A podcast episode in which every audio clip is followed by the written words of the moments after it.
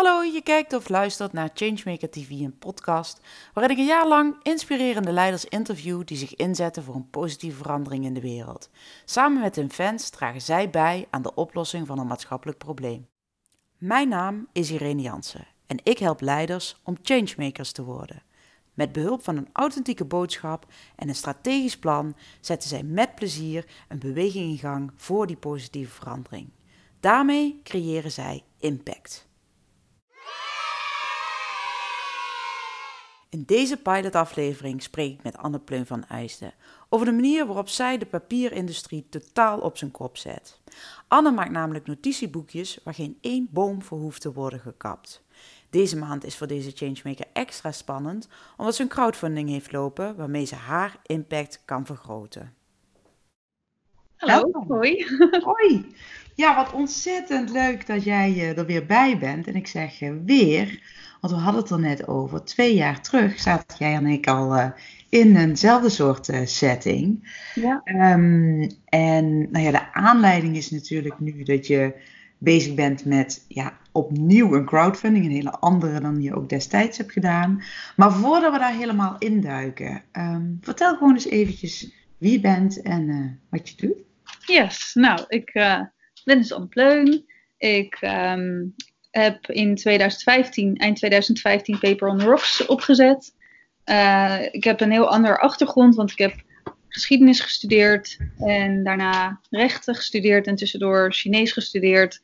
En in Berlijn gezeten en in China gezeten een tijdje. En toen ben ik, terwijl ik in Berlijn woonde, begonnen met dit bedrijf. Uh, omdat ik, eigenlijk, ik wist eigenlijk al sinds ik heel klein was dat ik een bedrijf wilde beginnen en dat het wel een duurzaam bedrijf moest zijn, wat iets in de wereld kon veranderen. En op een gegeven moment kwam er op mijn pad dat uh, papieralternatieven echt hard nodig zijn.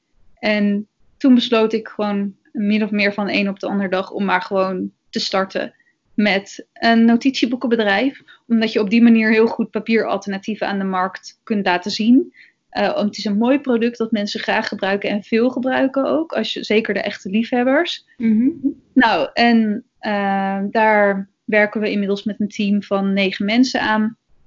Um, en we doen dat vooral dus door notitieboeken aan bedrijven te verkopen met een logo erop. Dat doen we voor bedrijven van over de hele wereld. En we zien die notitieboeken als een middel, als een soort van schil om de kern van het bedrijf heen. En de kern is dat we willen dat die papierindustrie gezonder wordt en diverser. En dan zitten we meteen spot on op jouw missie, hè, of jouw purpose. Uh, ja. Vertel daar eens iets meer over. Hè? Het is echt, uh, die papierindustrie wordt eigenlijk alleen maar steeds groter, begrijp ik uh, ook van jou. Um, waardoor er dus heel veel bomen worden gekapt om papier van te maken. Dat is eigenlijk niet bij te houden. Nee. Dus ja, er is ook een heel grote noodzaak aan een alternatief. Ja, nou ja, goed. En dat is ja, ook... moet zeker weten. Het is, bij, bij papier denk je natuurlijk meteen aan de bomen, maar het is ook de hoeveelheid water die erin wordt verbruikt, de hoeveelheid energie is erg problematisch. De chemicaliën die er nodig zijn om papier te maken. En het grappige vind ik altijd dat we vroeger dus helemaal niet bomen gebruikten voor papier, maar juist reststromen. En ik ben er eigenlijk van overtuigd dat je die industrie alleen gezond kunt krijgen door te diversificeren in papiersoorten en in grondstoffen. En vooral te zorgen dat je minder druk legt op bomen en op water.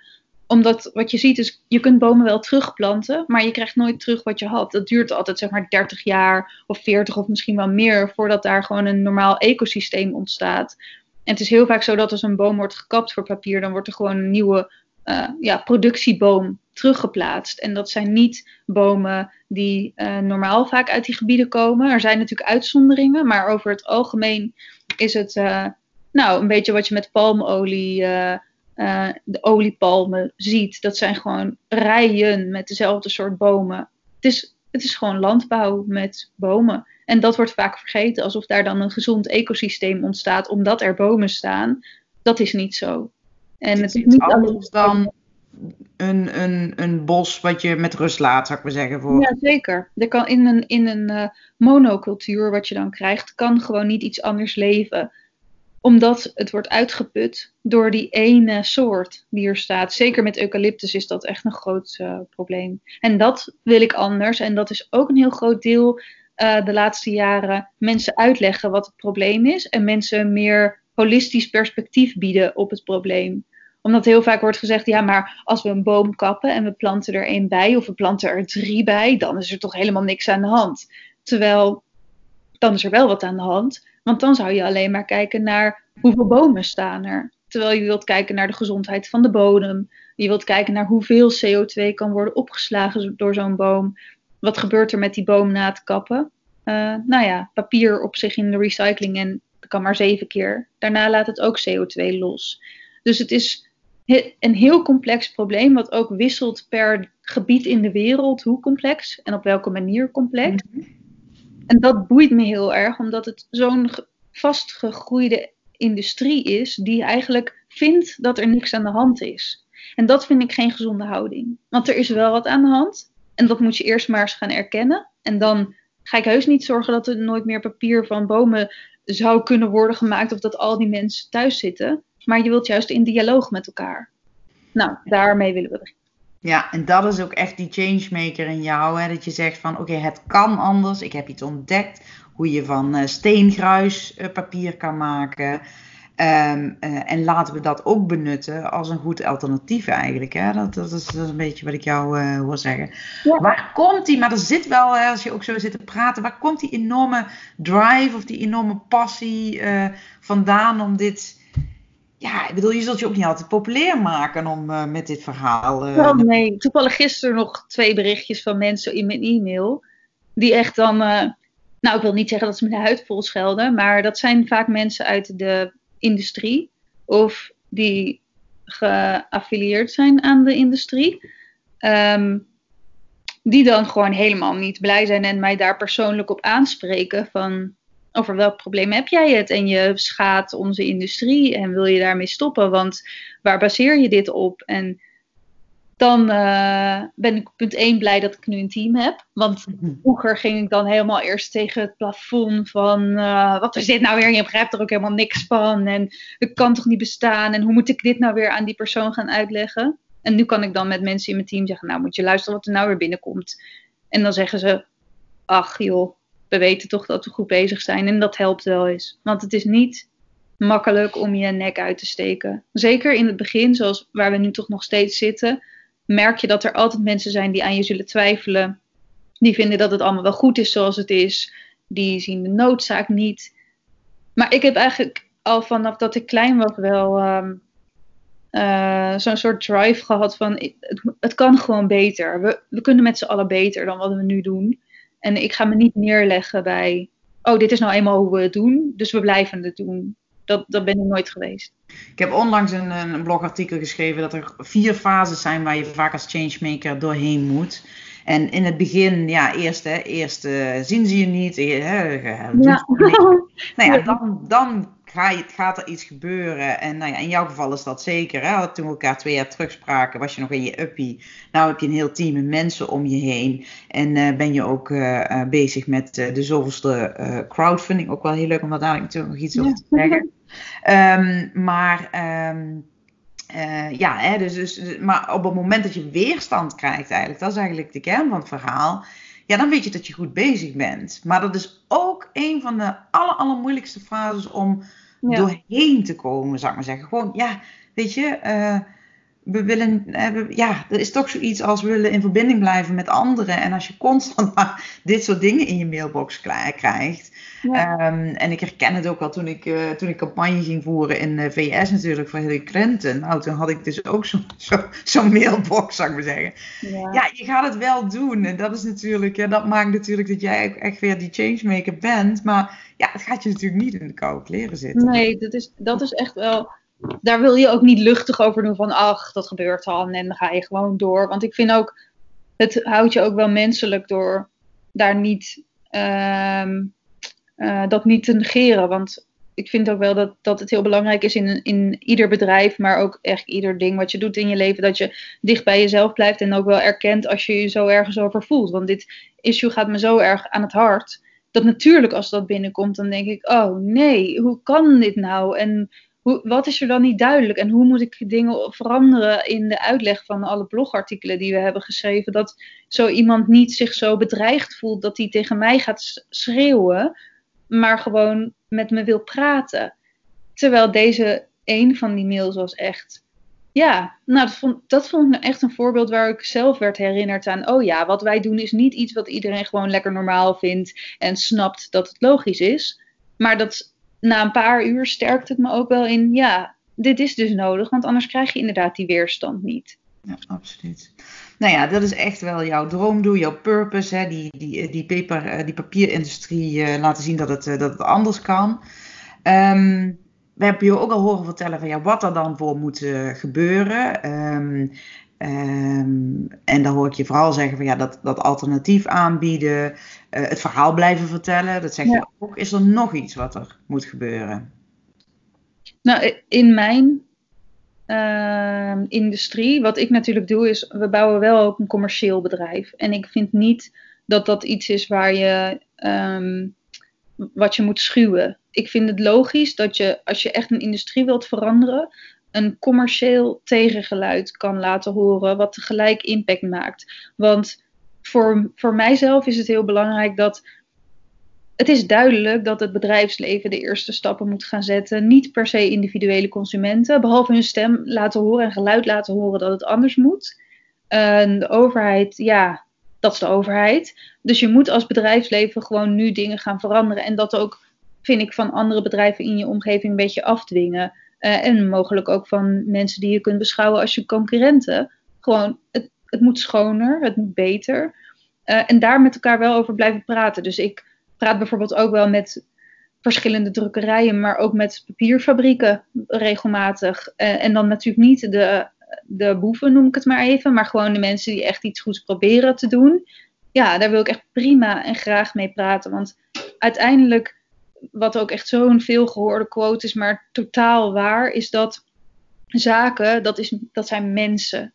Het, het is niet alsof een bedrijf iets doet. Het zijn de mensen die de dingen doen. Dus je wilt heel erg de mensen opzoeken en naar buiten gaan. Wat ik de vorige keer inderdaad volgens mij ook heel erg heb benadrukt. Van dat netwerk is alles. En wat ik nu wel mooi vind zelf is om te zien dat ook mijn belangrijkste mensen in mijn netwerk, dat is een beetje ge, verschoven mhm. naar, ja, we zijn nu in een nieuwe fase met het bedrijf. Ik krijg te maken met een nieuw soort problemen, maar ook leuke uh, dingen en leuke uitdagingen en kansen. Daar zijn ook andere mensen bij nodig. En het fijne is als je in het begin dus van je bedrijf um, mensen hebt die dat bedrijf gunnen om te lukken. En dus ook snappen van oké, okay, nu ben ik gewoon een beetje weer aan de kant en nou komen daar andere mensen voor dat vind ik zelf heel fijn om te merken. En het is nu um, voor mij ook heel belangrijk om mensen om me heen te hebben die een beetje in dezelfde situatie zitten. Dus niet meer dat ik leer alleen maar van anderen, wat je natuurlijk op zich altijd doet, maar niet van leermeester en leerling. Maar ook mensen die met een ongeveer even groot bedrijf of dezelfde soort challenges zitten, om daarmee te praten. Van hoe ga je daar als persoon ook mee om? Mm en die, um, um, nou ja, ik heb het meteen twee vragen. Inderdaad, de, eigenlijk wat je zegt is een beetje uh, de omgeving opzoeken van mensen waarmee je dat iets deelt. Of, uh, en dat zie ik bijvoorbeeld ook in mijn, uh, in mijn Changemakers Academy. En dan hebben we een mastermind en iedere maand komen we dan samen.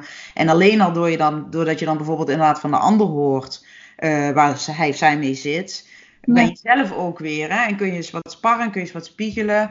En ja. uh, dat je er niet zo inderdaad in je eentje mee, uh, mee zit. Uh, ja, dat vind ik wel mooi om van jou te horen. Je zegt dus ook van, oké, okay, mijn netwerk, dat verandert ook, ook, ook wat. Wie zijn nou echt jouw fans? Wie zijn nou echt de mensen die zeggen, oh ja, jee.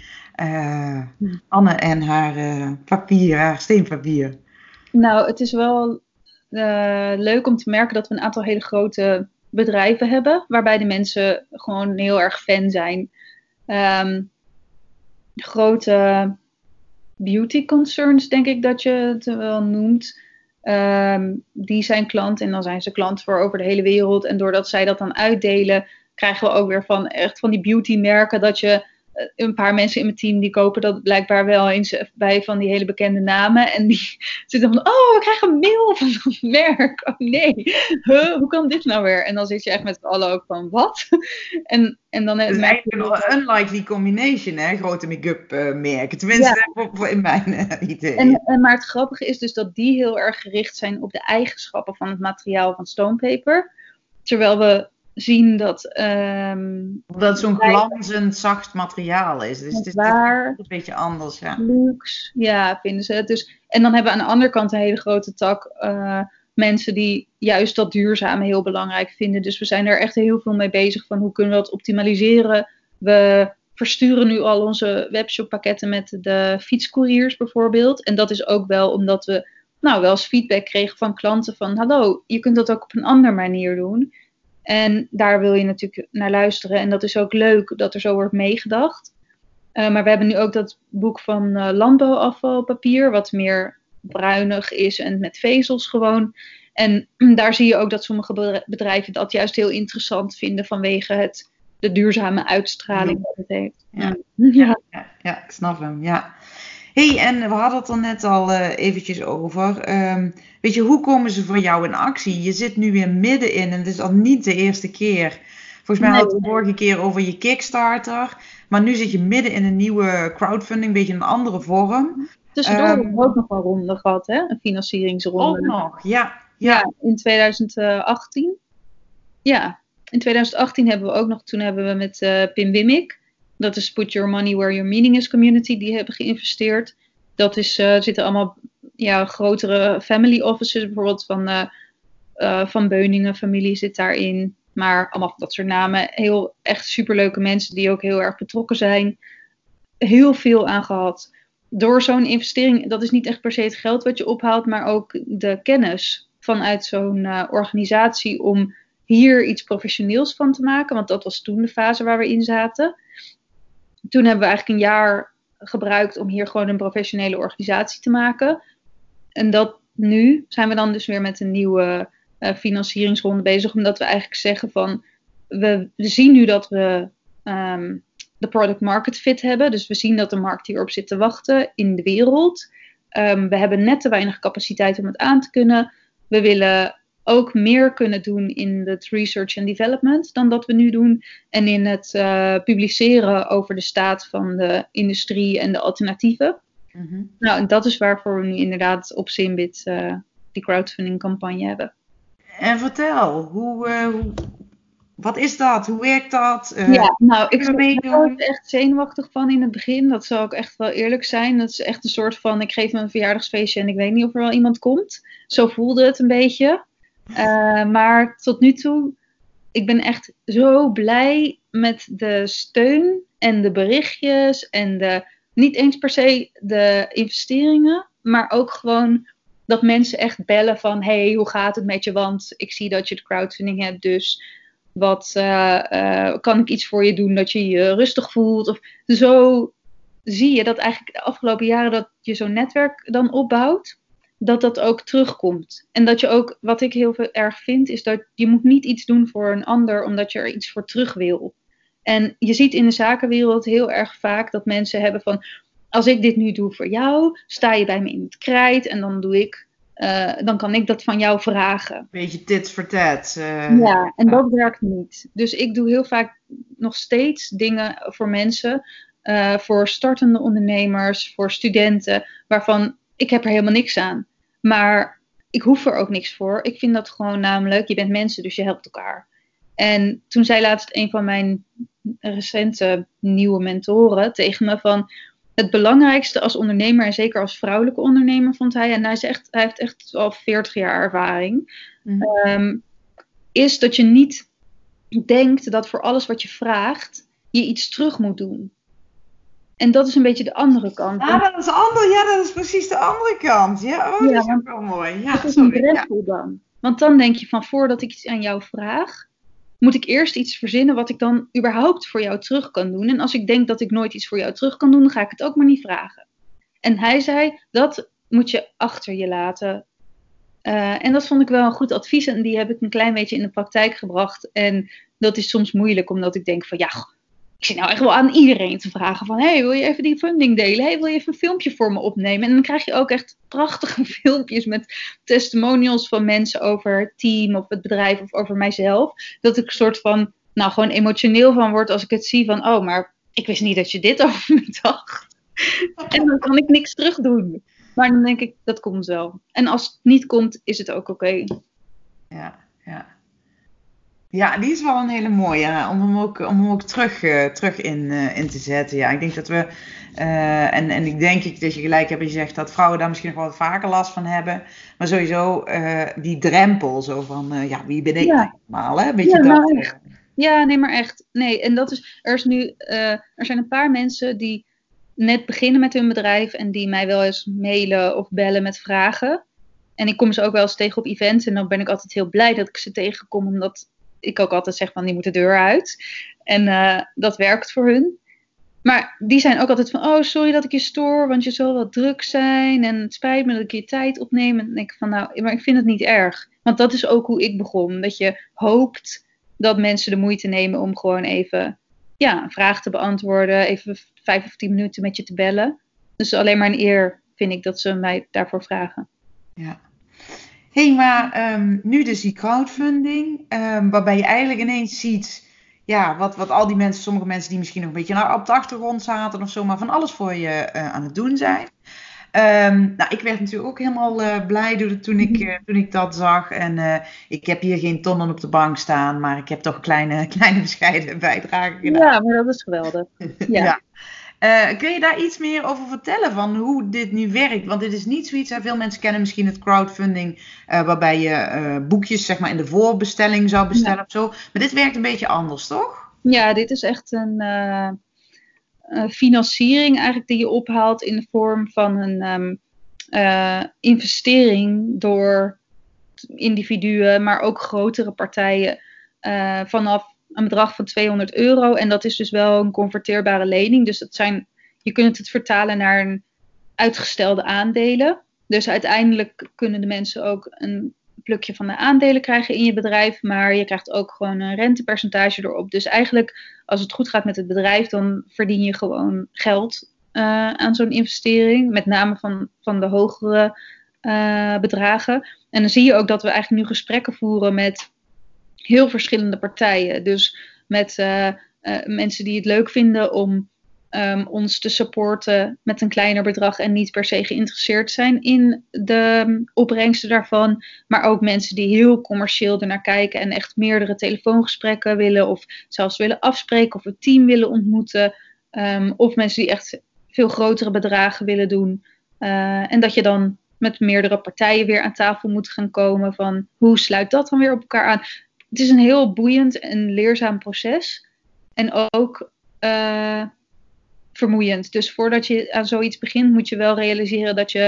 Um, ja, het is gewoon spannend. Je weet van tevoren niet wat er gaat gebeuren. En wat ik ook van veel mensen meekrijg nu is. Reken het ook niet jezelf aan als iets niet zo gaat als jij zou willen.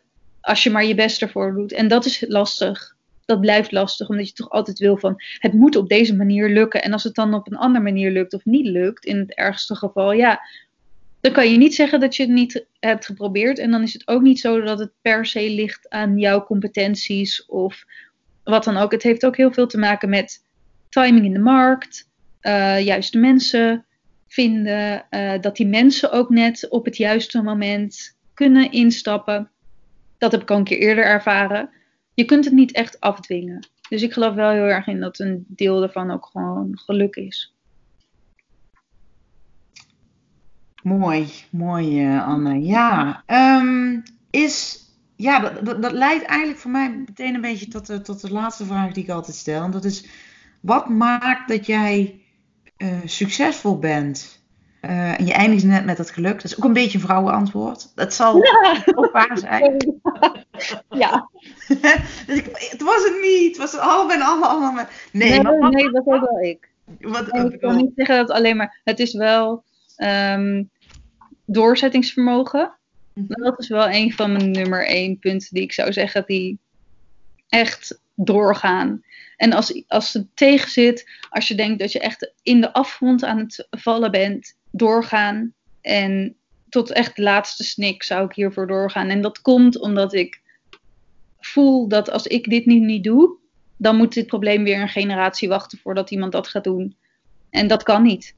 Dus het is wel de purpose die hierin zit, maakt dat je ook ehm, door kan blijven gaan. En soms ook denkt dat je door kan blijven gaan, terwijl je ook even pauze moet houden. Dus dat is wel meteen een manco wat daarbij komt. Maar het is ook uh, hoe je met mensen omgaat. Dus ik merk bijvoorbeeld met mijn team, die doen zoveel voor deze organisatie en, en ook voor mij, dat ik dat van tevoren bijna niet voor mogelijk had gehouden. En, en ze gaan gewoon in de diepe dalen mee en in de hoge pieken en ze doen het maar gewoon. En daar wil ik, daar wil ik echt zo vaak mogelijk tegen hun zeggen dat ik doe het niet alleen. Eh, want zij doen het met mij. En dat is heel belangrijk, denk ik, dat je gewoon menselijk blijft en ook snapt hoeveel mensen daar soms voor inleveren, hoeveel je er zelf voor inlevert en daar ook niet kwadig of bozig of verdrietig over zit. Dat hoort erbij. Mm. Maar het is niet makkelijk. Echt. Maar jij, uh, jij zei de vorige keer al, um, ik ga voor het grootste notebookbedrijf uh, van de wereld. Um, volgens mij ben je dat nog altijd aan het doen, of niet? Ja, ja, het, als, als schil is het, grootste notebookbedrijf ter wereld. En daaronder zitten inmiddels nog en daarnaast wat andere uh, trajecten waarvan ik denk van ja, waarom zouden we het houden alleen maar bij een notitieboekenbedrijf? Ik denk dat er veel meer moet gebeuren, dus laten we dat erbij pakken. En dat, daar zijn de eerste meetings al voor gepland. Um, dus, en dat is wat het leuk maakt. Je blijft gewoon doorgroeien. En je weet, ik wist vorig jaar of twee jaar geleden al helemaal niet dat ik nu dit zou zitten te doen en wat ik nog niet zoveel over kan zeggen, maar wat er nu mogelijk zou kunnen gebeuren, dat we echt in die supply chain mee kunnen denken en doen. Dat is zo. Je laat je ook een beetje sturen door wat er gebeurt bij je bedrijf. En, en daar moet niet een ego in de weg zitten. En daar heb ik en heel veel, nou ja, vrouwen, denk ik heel vaak, niet zo'n last van. Want je doet iets voor het grote geheel en, en je wilt iets moois maken voor de wereld dat helpt. Dat wordt heel erg gewaardeerd op dit moment in de markt. Ja. Um, oh, er zijn nog zoveel vragen die ik je wil mhm. vragen. Maar ik wou eigenlijk een paar dingen even terugpakken van wat ik je heb horen zeggen.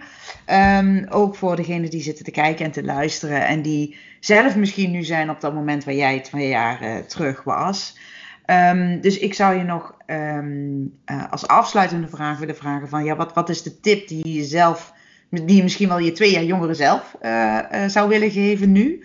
Um, maar voor we dat doen, ook eventjes teruggrijpen.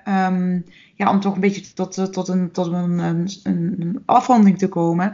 Wat ik jou vooral hoor zeggen is: je geeft nooit op. Mm -hmm. Ga gewoon door. Zelfs al ja. denk ik dat je op het rondje van de afgrond bent. Wat helpt daar heel erg in is, voor, tenminste als ik jou zo hoor, is heel goed weten van ja, maar dit is mijn purpose, dit is mijn, dit, dit heb ik te doen. Want als ik het doe, uh, ja, wie doet het, uh, wie doet het dan? Ja. Um, en uh, ja, vraag daar ook de mensen bij die je kunnen helpen. En nou ja, ik noem ze dan fans. En dan, heb, ja, en dan gaat het al heel gauw over, over nou ja, bijvoorbeeld wie steun je in de crowdfunding. Er zijn heel veel verschillende mensen. Um, wie zit er nu in je team? Maar ook wie zit er in een soort van informeel netwerk van jou, waar je gewoon eens af en toe uh, bij kan inchecken, iets vragen. En nou ja, en meteen als follow-up, um, ben niet bang om uh, gewoon iets te vragen. Ook al nee, weet je niet of dat gaat, uh, gaat lukken. Um, maar ja, klopt dat ongeveer? Hebben we dan zo ja. de... Ja, hè? Ja, en ik denk als je het hebt over wat ik mezelf twee jaar geleden als tip had willen geven, is dat je goed moet weten wat jouw sterke kanten zijn en wat je energie geeft. En dat niet uit het oog verliezen. Hmm. Ja. Want als je een organisatie bouwt die je wilt laten groeien, zie ik te vaak om me heen gebeuren. En bij mezelf heb ik dat nu ook gemerkt. Dat je gewoon, je vindt, in het begin vind je alles leuk, want het is spannend en je wil het proberen. En op een gegeven moment is het ook gewoon een organisatie, gewoon een bedrijf, waarin je echt niet alles, eh, niet alles gaat je energie geven. En je doet heus ook dingen die je geen energie geven, maar er moet genoeg tegenover staan van de dingen waarom je ooit begonnen bent. En als je dat op een vroege stadium weet van jezelf, wat dat is, kom je gewoon minder snel in de knoop met dat je de hele door blijft gaan met iets waar eerst mensen niet naar willen luisteren. En dan willen ze ineens toch een beetje luisteren, maar dan vinden ze je nog wel een beetje raar en geloven ze het niet helemaal. En daarna krijg je nog de backlash van de mensen die denken, uh, ik ga je eens even goed vertellen dat je het helemaal niet snapt wat je aan het doen bent. Dus daar, daarvoor heb je veel energie vanuit jezelf nodig. Ja, en daarvoor zeg je inderdaad, zorg dat je heel goed weet wat jou, wat jou aan de ene kant wat je purpose is, maar ook gewoon waar word ik blij van om te doen. Ja. Heel ja. praktisch en heel, uh, ja, mooi. Ja, ja super mooi uh, Anne. Echt heel erg leuk dat jij weer uh, bij mij hier in de uitzending was. Dank je wel daar, daarvoor. iedereen die zit te kijken of, of luisteren. Ehm, de crowdfunding om uh, mee te mogen stappen in dit bedrijf. En ik vind het echt ontzettend leuk. Uh, want ik kreeg, want ik had me aangemeld en kreeg ook meteen weer e-mails en allemaal dingen die je aan het doen bent. Dus uh, het is gewoon alleen al heel leuk om erbij te zijn. dat kan nog tot het einde van de maand, hè? 31 december? De 28ste. 28ste. Goed. Twee dagen na kerst. Um, en los daarvan Um, hebben we ook nog, want die boekjes zijn gewoon in zichzelf heel erg mooi. Ja, en uh, volgens mij mag ik nog uh, uh, een mooi aanbod doen voor alle mensen in mijn netwerk. Ja. Um, dus dat is natuurlijk ook iets waarmee je gewoon bij kan dragen aan het veranderen van die papierindustrie. Ja. Dus doe dat vooral. en ja ik denk dat we hem daarmee mooi kunnen afsluiten, toch? Of, uh... Ja, nee, hartstikke leuk. Ik vond het leuk dat je het me weer vroeg. Uh, helemaal omdat het natuurlijk, ja, was al best wel een tijdje geleden. En het is, ja, ik denk dat het ook leuk is om die, um, om zo'n voortgang soms te zien. Omdat het gewoon verandert door de jaren heen. Dus leuk dat je me uitnodigde weer. Super. hey, dankjewel. En, uh... Tot gauw. Doei. Je keek of luisterde naar Changemaker TV en podcast. Fijn dat je erbij was. Laat vooral even weten wat je ervan vindt door een like te geven of een reactie achter te laten. Wil je niks missen van deze serie met inspirerende leiders die zich inzetten voor een positieve verandering in de wereld? Abonneer je dan even. Be the change.